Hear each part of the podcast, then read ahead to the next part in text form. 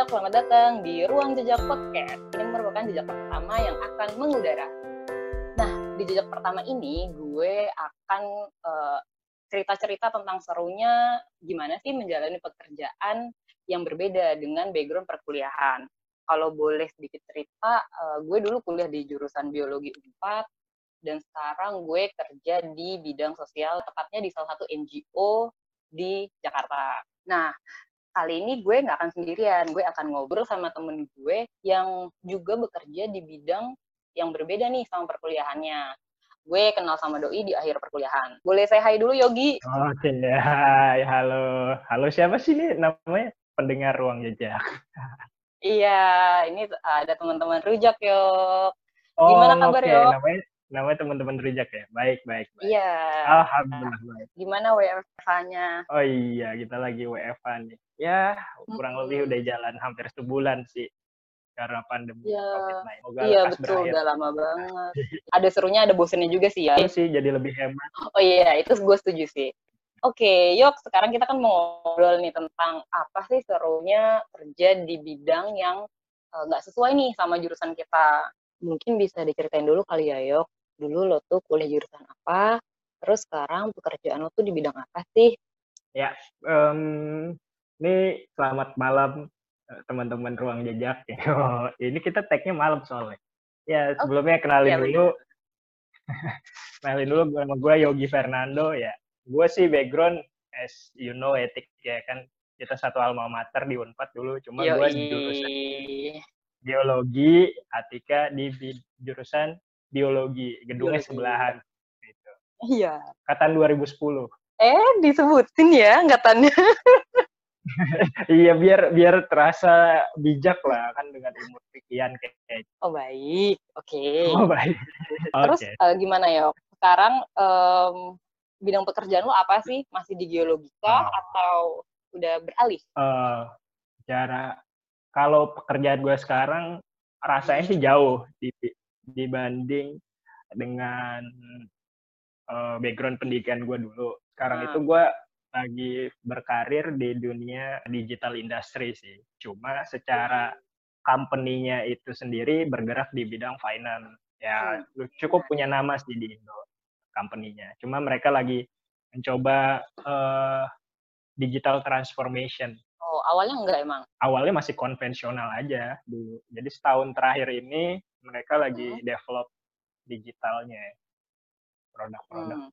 di sektor digitalnya karena kan ya mau nggak mau inovasi harus terus berjalan kan kalau nggak mau sebuah industri itu mati atau sebuah company itu mati Betul. jadi dengan nah, maraknya digitalisasi yang masif sekarang ini infrastrukturnya pun hmm. sangat memadai ya jadi ya perusahaan-perusahaan yang udah settle yang lama-lama yang kita tahu udah mulai bergerak ke arah sana sih. Iya benar, gue setuju. Um, terus di perusahaan yang sekarang, role lo itu sebagai apa sih, Yok? Iya. Kalau role gue sendiri sebenarnya ya uh, masuknya di project management Wih. secara role. Nah, project mm. management ini kan macam-macam nih, tergantung mm. dari uh, sektor yang di projectnya sendiri gitu. Kayak sebenarnya kan gue dulu pertama dari lulus kuliah gue pertama kerja itu di sektor tambang ya yeah. itu sangat uh, beririsan lah dengan dengan jurusan lo lah ya gue iya hmm. itu tahun gue di situ habis itu gue jadi project manager di hmm. uh, apa industri real estate perumahan nah yeah. itu mulai bergeser sedikit tapi ya masih ada tipis-tipis lah uh, mirip-miripnya gitu kan masih tahu-tahu dikit lah dari sisi engineeringnya kan itu gue yeah. udah iya. tahu dua tahun di sana karena itu sipil masih ada lah hal-hal yang gue tahu nah lanjut ke sembilan bulan terakhir ini gue mm -hmm. gabung ke industri digital kan kayak tadi gue bilang nah mm. di situ ternyata baru gue tahu nih project management di digital itu di software mm. development itu tepatnya itu mm ada namanya metode agile atau lincah lah kalau bahasa iya. Indonesia-nya kan. Nah, di metode ini tuh ada sebuah framework yang namanya Scrum. Nah, ada role okay. di dalam sebuah framework itu yang namanya Scrum Master. Nah, gua itu posisi sebagai hmm. Scrum Master sekarang. Nah, hmm. Nah, kalau role-nya okay. sendiri seperti apa, hmm. dia nggak mirip sebagai project project manager yang assign tugas ke setiap orang, tapi dia lebih fokus untuk mengempower orang-orang yang ada hmm. di timnya untuk bisa self organize gitu. Oke. Okay. Tapi lo tetap ya, meng ya. ini kan mem, apa hmm. mengorganisir juga kan tugas lo apa, tugas lo apa gitu atau gimana? Uh, jadi kan kalau di di Scrum itu sendiri uh, hmm. setiap individunya itu jadi misalnya kita udah punya satu goals bersama nih dalam satu periode Betul. waktu tertentu kita mau achieve apa gitu. Okay. Nah dari situ kita breakdown bareng-bareng gitu hmm. sampai sampai menjadi sangat kecil lah ibaratnya yang hmm. nggak hmm. bisa dibagi lagi gitu. Hmm. Nah nantinya setiap individu di dalam tim itu di luar gua ya, tapi dari hmm. sisi software engineer-nya sendiri hmm. si programmer-programmer ini bakal memilih nih, gue ngambil yang ini, gue ngambil yang ini, gue ngambil yang ini, gue ngambil yang ini. Nah dari situ nanti kita eh, dari apa yang udah diambil itu kita sama-sama pegang nih. Ini komitmen kita bersama untuk nge-achieve goal ini. Setiap individunya udah punya uh, tugas masing-masing yang uh, mereka pengen pengen kerjain gitu. Jadi uh, dari motivasi dirinya sendiri gitu, nggak penunjukan oleh oleh seorang atasan yeah, yeah. Iya. yang bakal ngerjain gitu enggak jadi uh. dari setiap orangnya yang pengen terus hmm. berkembang hmm. oh gue pengen challenge ini nih gitu hmm, hmm. jadi biar mereka juga kayak punya uh, apa eh, bukan punya sih jadi kayak bener-bener mereka bisa tanggung jawab sama apa yang dia pilih gitu ya iya kayak gitu sih nah fungsinya gue di situ adalah memfasilitasi hmm. gimana caranya mereka tetap align nih dengan goals yang kita mau capai tadi. Bener nggak okay. sih? Gue tetap maintain gimana sih mereka mereka tetap bisa keep up nggak sih dengan apa yang udah komitmen yang mereka udah ambil tadi kayak gitu kurang lebihnya kayak gitu mungkin yang orang awam bisa tangkap cukup menjelaskan gak sih gue nggak tahu nih cukup cukup cukup cukup gue oh. sih uh, cukup paham ya uh, semoga teman-teman rujak yang lain juga cukup paham gitu terus um, kan pasti ada uh, sesuatu yang harus lo pelajarin kan yok buat sampai akhirnya ya lu dulu belajar geologi, belajar batuan, belajar fosil, tanah gitu-gitu kan mineral. Yeah. Nah, terus hmm. tiba-tiba hmm. lo harus masuk ke software development gitu kan itu kan wow, itu jauh banget gitu. Itu udah ranahnya. IT banget kan. Nah, maksudnya uh, challenge apa sih yang lo dapet dan uh, apa ya akhirnya sesuatu yang men-trigger lo untuk oke okay, gue mau belajar ini gue mau bisa ini gue mau kerja di industri ini gitu misalnya oke okay. hmm, pertama sih sebenarnya yang kayak ginian itu udah gue dapetin dari pertama gue kerja sih as a professional hmm. ya waktu gue jadi site supervisor di di industri tambang. Cuma hmm. pada saat itu gue di hire sebagai site supervisor tapi saat gue udah on site ke lapangan ternyata ya um, tambangnya ternyata belum jalan sama sekali terus ada beberapa okay. konflik yang terjadi juga ke masyarakat nah mm. karena gue satu-satunya mungkin waktu itu ya hitungannya gue orang yang paling uh, dipegang sama si owner waktu itu mm. untuk handle masalah masalah itu gitu nah dari mm. situ satu tahun itu ya kurang lebihnya 70% waktu gue itu gue ngelakuin uh, pendekatan ke masyarakat nih untuk jelasin uh, bahwasanya apa yang stigma yang udah tertanam di kepala mereka ini ternyata jauh berbeda gitu, dari kenyataan yang bakal uh, perusahaan sendiri lakuin. Nah itu gue door to door, gue nginep di rumah warga dan segala macem. Di situ gue uh, mulai banyak belajar hal baru, gimana caranya gue bisa berempati nih sama orang itu sih yang pertama gue uh, pelajari ya waktu itu hmm. gimana caranya gue bisa berempati sehingga gue tahu sebenarnya problem yang ngebentuk lo mengambil satu decision itu apa hmm. sih gitu uh, background okay. story-nya kayak gimana nah hmm. itu yang gue pelajari itu awal-awal akhirnya dari situ gue bisa tahu nih pola komunikasi yang sesuai untuk karakter uh, cerita orang yang berbeda-beda itu seperti apa gitu gue jadi hmm. bisa masuk ke kalangan anak muda yang notabene di bawah gue waktu itu ataupun seumuran bahkan yang lebih tua gitu.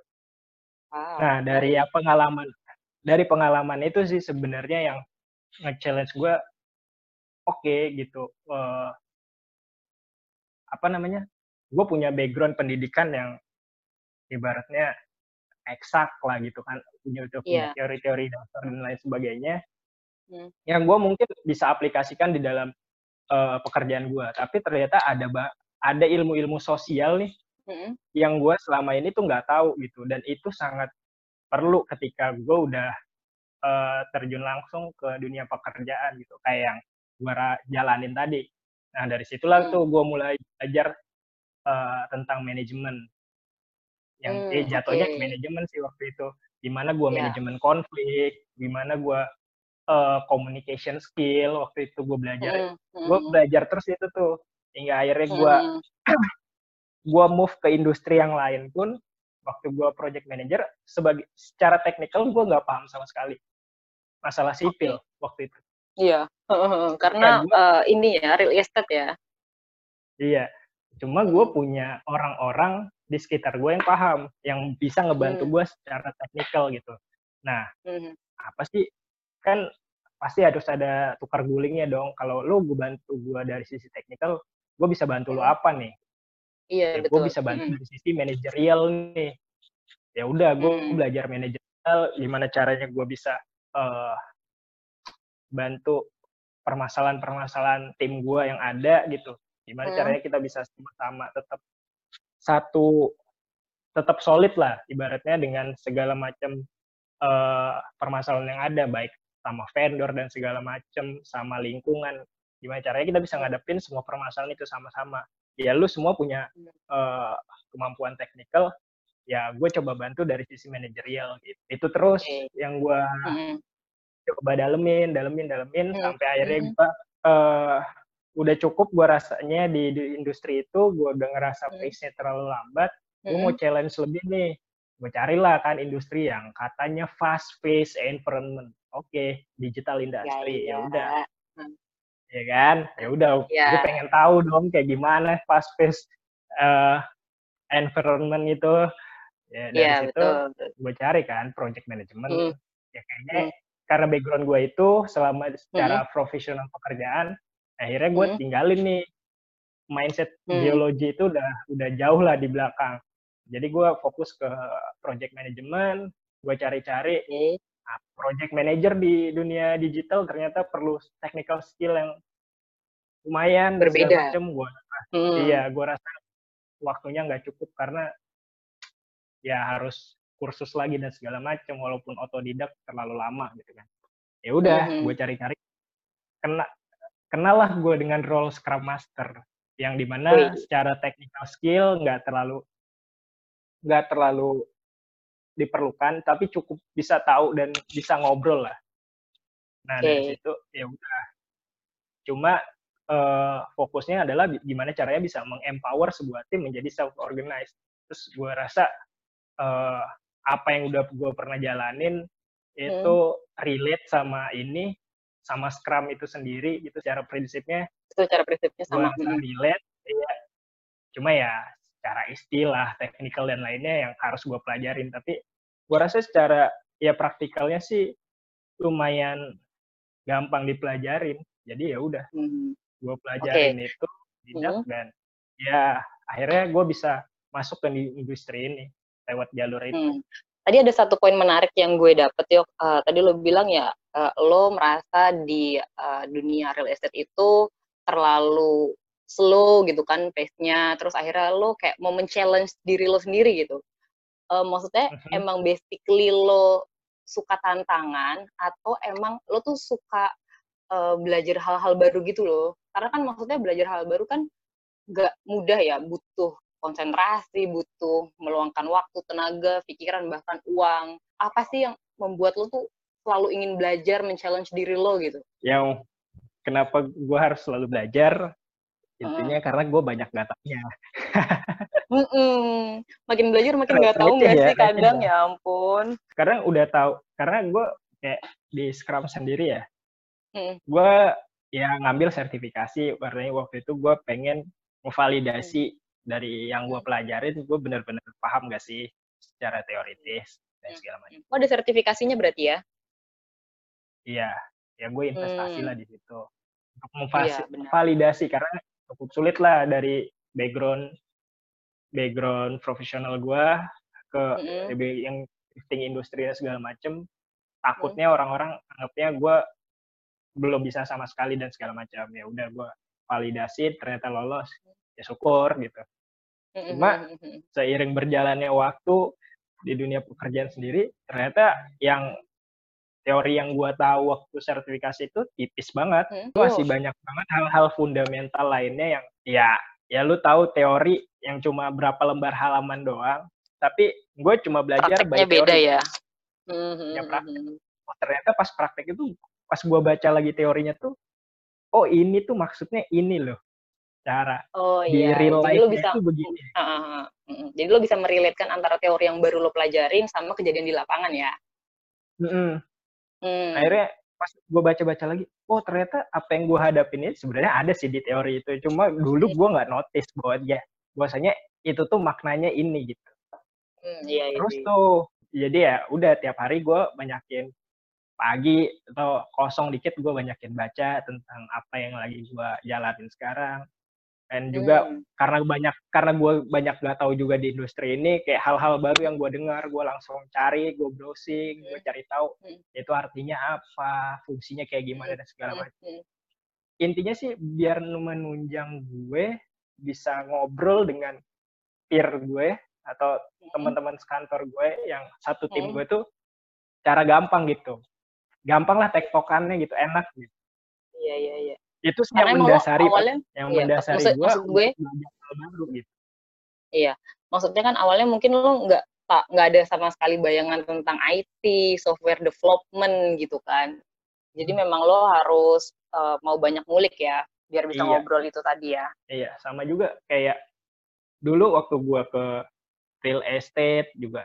hmm. ya kurang lebih gitu sih maksud gue ketika gue masuk ke dunia eh, ke sebuah industri yang gue kurang lebih yang ya gue tahu cuma 10% justru itu hmm. memacu gue untuk belajar eh, hal-hal baru gitu yang di luar kemampuan gue yang ada jadi kayak selalu merasa kosong sih hmm. jatuhnya ya harus selalu merasa haus ya sama ilmu cuma ya gue karena jadi gue paksa dulu diri gue jatuh ke jurang baru gue hmm. survival gitu hmm, anak biologi banget ya survival gitu ya ya okay. ya kalau nggak punya gue rasa kalau nggak punya mental survival ya lu nggak akan mau belajar hal-hal baru sih iya apalagi sekarang gitu. tuh perkembangan tuh makin cepat banget gitu nggak sih yo iya yeah. kalau kita nggak mau upgrade kayak ketinggalan gitu iya kalau lu nggak mau survival ya pasti lu di situ-situ aja lu udah benar, di, benar. di satu titik yang aman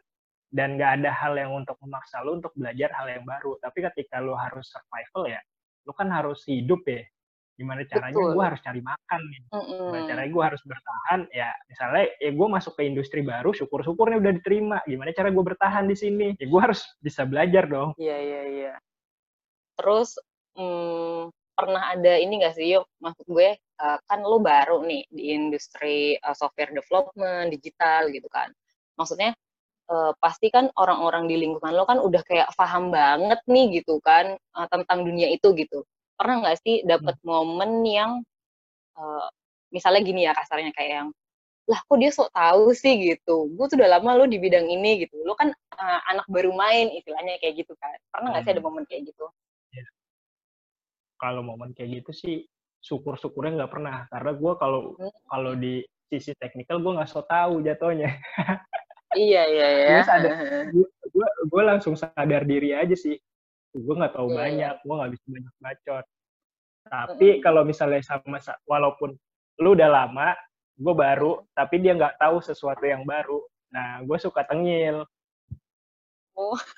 Baratnya gini let's say misalnya satu engineer gue nih udah paham uh, program apa bahasa pemrograman A gitu. Udah udah jago banget cuma di A doang hmm. nih tiba-tiba hmm. dia di, diminta belajar yang C nih yeah. walaupun dia udah paham banget A cuma kan dia belum tahu dia belum pernah nyentuh C ibaratnya iya betul cuma kalau dia pelajari tentunya jauh lebih Bisa gampang harusnya. lah karena dia udah punya mm -hmm. basic kan mm -hmm. nah, gue gue dengan tengil-tengilnya gue ya udah ah elah cek gini mah gue juga tahu paling gini-gini gue baca dulu tipis-tipis ngomong gitu kan akhirnya dari situ dongkol dong yang terjadi dongkol dongkolnya dari positif gitu. Anjir masa dari geologi so tahuan gua background oh, masa sosokan ngerti gitu ya kan? Iya. Biasanya gue gitu kalau sama tim gue ah kan gue dikasih tugas kayak gitu. Ah ini mah gampang cuma gini-gini doang. Akhirnya dari situ mereka uh, jadi mau belajar si C itu ya tadi ya? Iya gitu sih.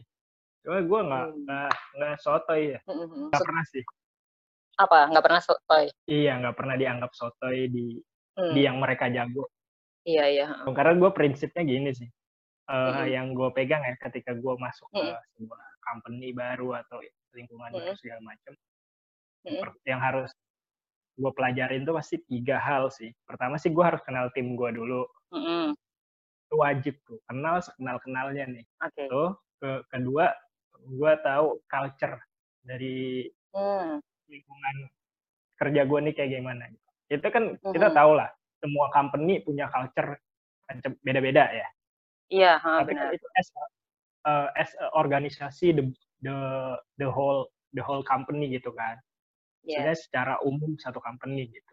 Yang mm-hmm. biasanya visi-visi dan segala macam. Cuma kan dalam uh, day to day-nya itu kan culture-nya beda-beda kan. Bahkan tim A mm. dan tim B aja beda kan cara mainnya. Mm. Iya, iya benar. Tergantung dari personnya tadi. Nah, gue coba mm. kenalin dari tim gue dulu nih. Culture yang bener-benernya itu kayak apa. Baru terakhir ya produk yang gue kerjain sama tim ini. Nah kalau tiga hal itu lu udah kental banget, lu solid banget, udah tahu nih, itu hmm? lu kayak ya gue bercandaan kayak tadi tuh rasanya hmm? jadi jauh lebih cair gitu. Gue tahu jadi hmm. ngebecandain dia kayak gimana, nge-challenge dia caranya kayak gimana. Iya iya. Jadi iya benar. Akhirnya nggak akan jatuhnya nggak akan bisa tuh muncul ya kayak ah so tau lu. Karena gue hmm. kalau lo tahu nih gue waktu awal-awal masuk join mana-mana tuh gue hmm. gue bisa sebulan jadi orang pendiam tik jadi orang pemalu gitu ya Yo, dan itu nggak low banget gitu tapi setelah itu habis semua oke oke jadi uh, tiga poin tadi ya yang uh, emang lo selalu pegang ketika lo pindah ke satu tempat gitu ya. Iya. Oke, jadi kenal tim, terus tahu culture-nya gimana, sama mungkin tadi yang ketiga tuh maksudnya product knowledge kali ya. Iya, gue tahu product knowledge. Jadi gue nggak kosong-kosong amat kalau ngobrol. Oke. Terus pernah ada momen berat nggak sih? Maksud gue kan uh, namanya belajar hal baru kan pasti effort banget kan. Kayak, duh kenapa ini susah banget gitu. Hmm. Atau lo tiba-tiba iya buntu gitu. Asik, sombong ya gue ya kalau buntu gue mentok ya udah gue tinggalin gue baca yang lain yang lebih ringan oh oke okay. terus ada mentor gitu nggak sih yok maksudnya untuk ngebimbing lo belajar di hal baru ini gue gak punya mentor sih ya udah gue baca gue browsing gue hmm. lihat tuh apa segala macam ya abis itu gue ngobrol sih sama orang ya orang yang yang sepaham aja. Maksudnya lu paham ini nggak? Paham. Ya udah ngobrol. Kalau enggak ya tapi masih internal tim? Iya. Oh.